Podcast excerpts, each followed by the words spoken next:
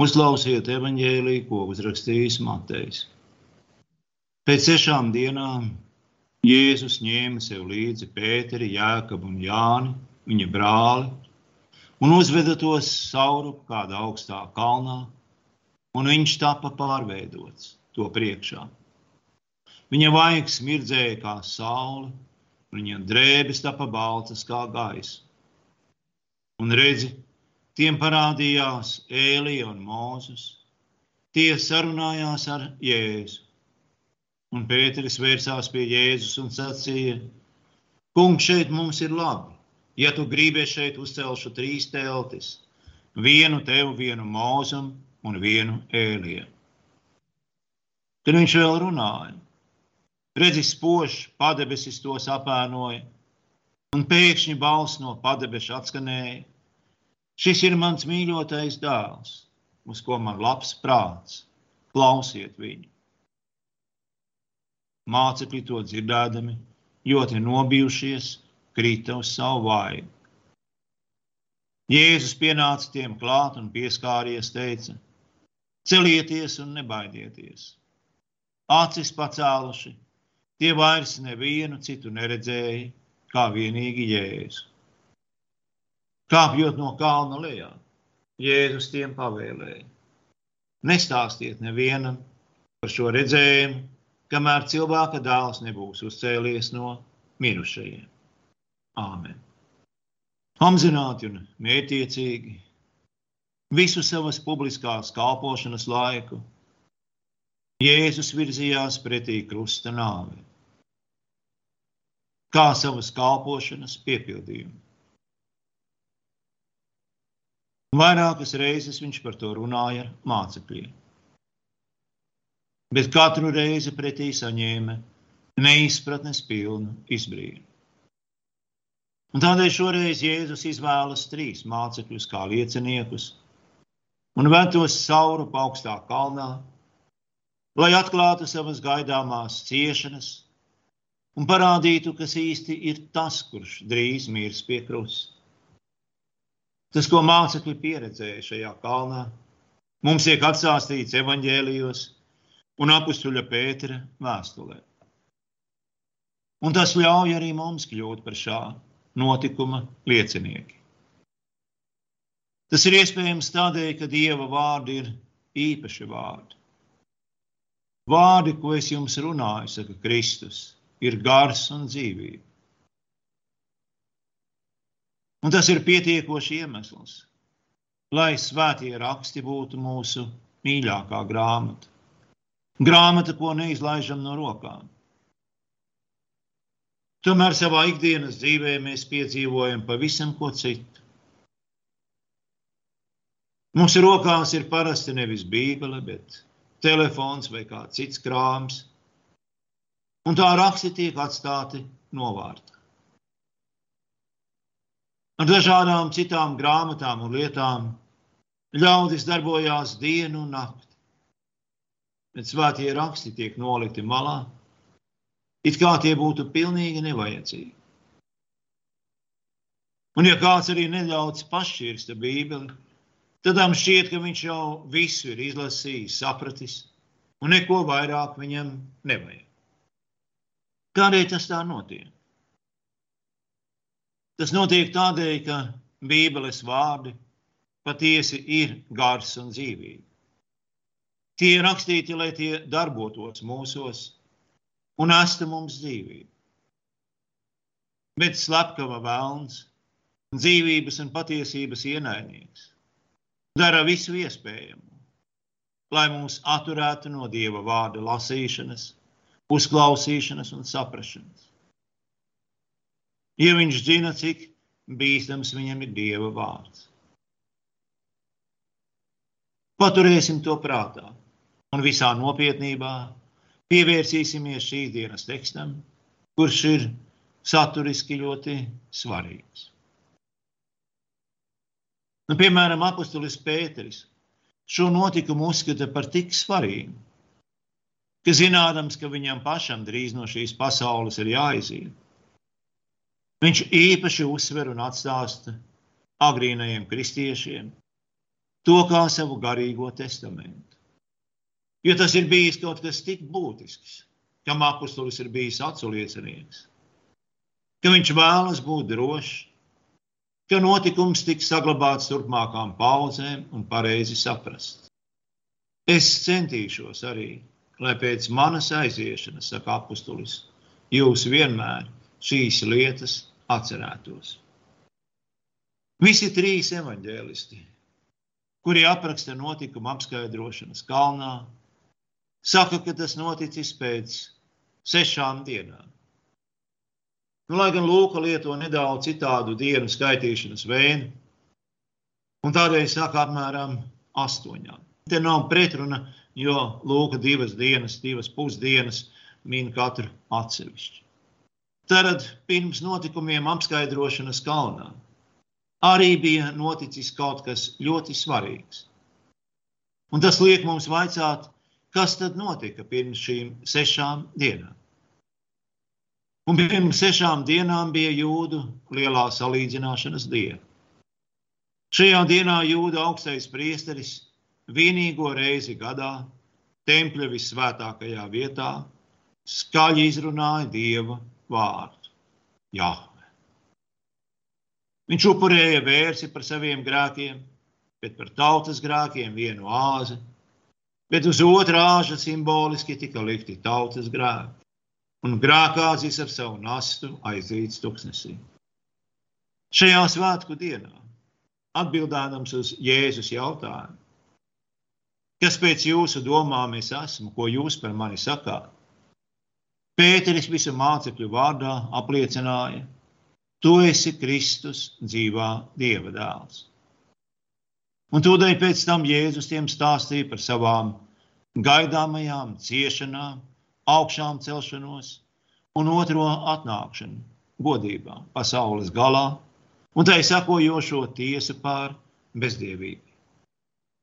Pēteris izdzirdot par ciešanām, tūdaļ centās Jēzu no tā atrunāt. Bet Jēzus asi apsauca Pēteri, novērtēdams viņa vārdus kā vēlnišķus. Jo tas bija tieši tas pats, ko visu laiku bija centies kopš kārdināšanas dienas tuksnesī panākt vēlns. Jēzus skarbie vārdi tā tad ir pamatoti. Uz lielā salīdzināšanas dienas fona Pētera apliecinājums atklāja Jēzu kā patiesu Dievu, kura godība atklājās templī. Savukārt Jēzus skaidrojums, ka viņam būs jākļūst par tautas grēkās, kas nes tautas grēkus un mirs par tiem. Pēterim šķita kaut kas pilnīgi nesaprotams un neiespējams. Viņš nespēja saprast, kā ciešanas var saistīties ar dieva godību. Un tomēr vecā derība sniedz pietiekoši daudz liecību, ka dieva ļaužu ciešanas vienmēr ir saistītas ar nākamo godību. Ciešanas nekad nav bezjēdzīgas, bet tās kalpo kā pamats nākamajai godībai. Un tas ir veids, kā arī mēs, kristieši, saprotam un runājam par ciešanām. Proti, tās vienmēr ir saistītas ar to godību, kas nāks, kuru gaidām, un nekad netiek minētas bez tās. Tas nozīmē, ka ciešanas nekad netiek uzskatītas par bezjēdzīgām. Daudz vietā evanģēlijos dzirdam no paša Kristus, ka viņam būs jācieš, ka viņš to darīs pats pēc savas grības, labprātīgi un neviena nepiespiest ka tas ir viņa īstais darbs, kuru paveikt viņš ir ieradies šajā pasaulē. Bet vienlaicīgi mums tiek sacīts, ka viņa darbs nebeidzas pie krusta. Tā gals nav kaps, bet augšām celšanās un dieva godība. Un Jēzus nolēma vēlreiz atgādināt to saviem mācekļiem sešas dienas vēlāk. Dienā, kad jūdi svinēja būdiņu, jeb telšu svētkus. Šajos svētkos jūdi pieminēja iziešanu no verdzības zemes Eģiptē. Un tagad uz šo svētku fonu Jēzus vēlējās mācekļiem atklāt, ka viņš pats ar savām ciešanām atbrīvos viņus no grēka verdzības. Un tādēļ pēc sešām dienām Jēzus izvēlas trīs no viņiem - Pēteri, Jāni un Jākabu kā īpašus lieciniekus un ved tos uz kalnu, lai atklātu tiem savu godību, kas sekos viņa ciešanai. Tas ir tas, kas notika pēc sešām dienām. Sešas dienas pēc tam, kad mācekļi neizpratnē bija klausījušies Jēzus vārdos par viņa gaidāmajām ciešanām. Un Pēteris pat bija norājis Jēzus par šādām runām. Mums ir svarīgi saprast, ka varenais un dzīvais Dieva vārds šodien arī mūs ved kopā ar šiem trim mācekļiem. Lai arī mēs dzirdētu, kas tur notika. Šiem trim mācekļiem tas tika atklāts viņu acīm, bet arī viņu ausīm. Mums tas tiek atklāts caur viņu liecību, tikai mūsu ausīm lai mēs dzirdētu, ticētu un tādējādi iegūtu dzīvību. Tātad Jēzus vēm Pēteri kopā ar Jākabu un Jāni saurup kādā augstā kalnā, kur tie redz Jēzus vaigu, mirdzošu kā saule, redz sniegbaltas drēbes, redz mūzu un ēliju sarunājamies ar Jēzu un dzird paša Dieva balsi no debesīm kas apliecina, ka Jēzus ir viņa mīļotais dēls un mudina viņu klausīt. Pēc tam, kad viņi devās prom no kalna, saviem mācekļiem Jēzus piekodināja, lai viņi par redzēto nevienam neko nesaka. Pirms cilvēka dēls nebūs uzcēlies no miroņiem. Tas viss cilvēka prātam nav aptverams. Dažreiz šķiet kaut kas dīvains, neticams, nu, kaut kas līdzīgs pasakai. Un šā iemesla dēļ mēs tiekam kārdināti kopā ar Jēzus mācekļiem cilvēciski brīnīties. Kas tā par augšām celšanos no miroņa? Prāts saprot verdzību zemi, kur dzīvojam dabas spēku gūstā, pilnīgi atkarīgi no dabas likumiem, saviem gēniem, citām materiālās pasaules norisēm. Prāts saprot nāvi.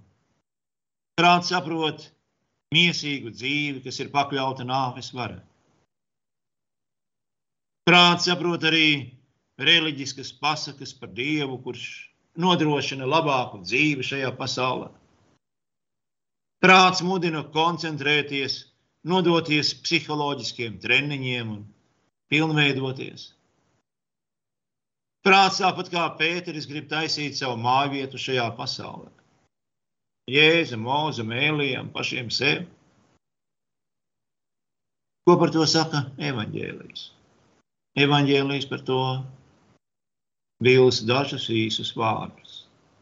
Pēteris nesaprata, ko viņš runā. Pretēji Pētera šī zemes prātam, Jēzus runā par debesu lietām, par augšām celšanos. Tas ir izlaušanās no šīs pasaules gūsta, ceļš uz jaunu pasauli. Tā nav tikai dzīve pēc nāves. Tā ir mūžīga dzīve, bez nāves, jaunā pasaulē, kur nāves vispār nav. Un kur nav arī laika. Bet kāpēc šeit parādās Mozus un Ēlija? Abi ir dižani vecās derības vīri, kas varētu kalpot kā visas vecās derības simbols - bauslība un pravieši. Bet šeit tas nav galvenais. Kas ir galvenais šeit? Galvenais šķiet ir tas, ka Dievs pats apglabāja mūzu, un viņa kaps nebija zināms bet Ēlija tika dzīves uzņemts debesīs.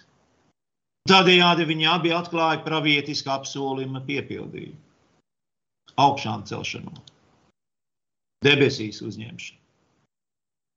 Un tieši tāpat notiks ar Jēzu. Pēc Jēzus kā pirmdzimtā no daudzajiem, tāpat notiks ar visiem tiem, kas tic viņam un paļaujas uz viņu. Mēs visi reiz tapsim apskaidroti augšām celti godībā. Iegūsim debesu cilvēka izskatu, būsim mūžīgi kopā ar to kungu un skatīsim viņa godību. Pēteris, Jānis un Jēkabs tika izvēlēti par mūsu nākotnes liecinieki. Un tādēļ vēlāk, kad Pēteris šo notikumu bija līdz galam sapratis, viņš ir tik norūpējies, lai mēs šīs lietas vienmēr atcerētos.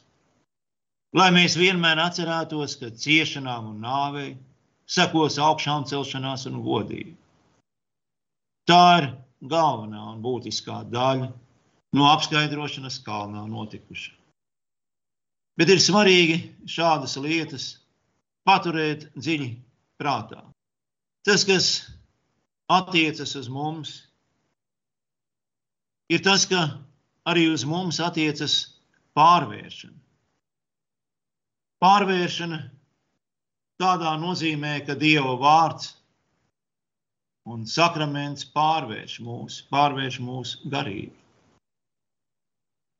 Un šādi mums ir jāsaprot visu savu kristiešu dzīvi, kā pārvēršana. Iznīcīgā pārvēršana neiznīcīgajā nāves pārvēršanu dzīvībā, grēka pārvēršanu svētumā. Un mēs šādu pārvēršanu varam saukt arī par savu apskaidrošanu. Un tad tas un visa mūsu dzīve iegūst pavisam citādu saturu un nozīmi. Tad mūsu lielākais draudz nav pandēmija, iespējamais karš vai ekonomikas lejupslīde. Bet tad mūsu lielākā un bīstamākā lieta.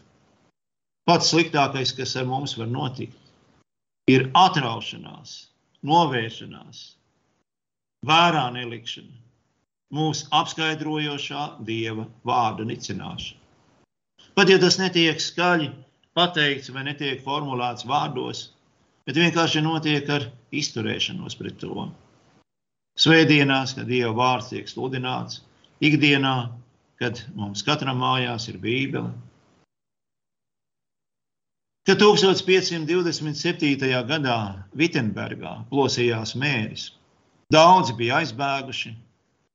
Luters bija palicis ar pāris studentiem un lasīja viņiem lekcijas par pirmo Jāņa vēstuli. Un lekciju ievadā Luters saka, mēs nekad nebūsim tik daudz mācījušies nec kļuvuši tik pilnīgi, ka Dieva vārds mums vairs nebūtu vajadzīgs. Jo vēlns savu darbu dara bez mitas.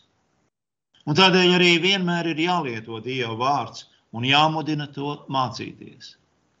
Dieva vārds ir dzīves un spēcīgs vārds. Mēs esam slinki un bieži iesnaužamies. Dieva vārds ir dzīvības vārds, bet mēs ikdienu esam nāves vidū. Un tā kā mēs nekad neesam brīvi no grēkiem un nāves draudiem, tad mēs ne brīdi nedrīkstam pārstāt atgramo Dieva vārdu. Tad Dieva vārdam ir līdzīgi kā zālē govs vēderā, jābūt nemitīgi mūsu prātos. Un tam ir jātiek pārdomātam, pārcilātam un pārdomātam. Jo tas ir dzīvības un nāves jautājums.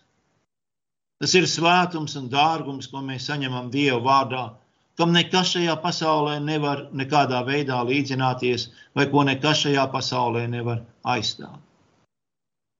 Bet mēs vienmēr dzīvojam tādā ilūziju varā, visdažādākās lietas ir vajadzīgas, nozīmīgas un būtiskas. Dieva vārds var pagaidīt. Bet Luters šeit visā savā garīgajā diženumā un lielumā visā tajā, kur viņš raugās uz lietām cauri šķietamības plīvuram, kas mums visiem guļās pār tik smagi. Viņš mums atklāja patieso dzīves realitāti, to, kā lietas ir īstenībā. Kāda arī ir mūsu lielā problēma? Kāds ir mūsu īstais ienaidnieks? Pāvila vārdiem runājot, tie ir ļaunie, gari un viņu valdnieks vēlns, pret kuru mums jācīnās. Un tā nav ārēja, bet vispirms iekšēja cīņa. Un šajā cīņā mēs esam absolūti bezpalīdzīgi bez Dieva vārda, kurš vienīgais spēja pazīt vēlnu. Un tādēļ esiet gudri un izmantojiet pareizi jums doto laiku. Jo šīs dienas patiesi ir ļaunas. Tāpēc nepadodieties neprātam, bet centieties saprast, kāds ir jūsu kunga prāts. Un tā kunga prāts ir, ka jūs pestīšanu saņēmuši Jēzus vārdā, to turat skaidru un nesagrozītu. Pieauga ticībā un beigu beigās iemantojat mūžīgo dzīvošanu kopā ar visiem Dieva izredzētajiem un svētiem. Bet tā ir vēsts, ko jūs varat saņemt tikai vai nu sludinātu, vai lasītu svētajos rakstos. Tā ir vēsts, kas nāk tikai un vienīgi no evaņģēlija. Tā ir vēsts, kas nāk no Dieva vārda. Un pie tā turieties, lai kas arī notiktu vai nenotiktu. Turieties pie Dieva vārda, un tad viss būs labi. Neatkarīgi no tā, kas notiek apkārtējā pasaulē. Lai Dievs mūs visus žēlsirdīgi uztur pie sava svētā vārda un sakramenta, jo tur kopā ar vārdu un sakramentu pie mums ir Kungs Jēzus Kristus, kurā priekšā bēg vēlns un visi mošķi un viss ļaunums, kas ir joprojām šajā pasaulē un kas tīnas mums apkārt. Lai viņa klātiene turpina būt ar mums arī, tad mēs tagad no viena baznīcas gada perioda pārējiem nākošajā. Un šeit zīmīgi, ka divas svētdienas šajā pārējais laikā mēs mācāmies tieši par Dieva vārdu, par Dieva vārdu svētību un nozīmi mūsu kristiešu dzīvēm. Lai Dievs mūs uztur savā svētajā vārdā. Āmen!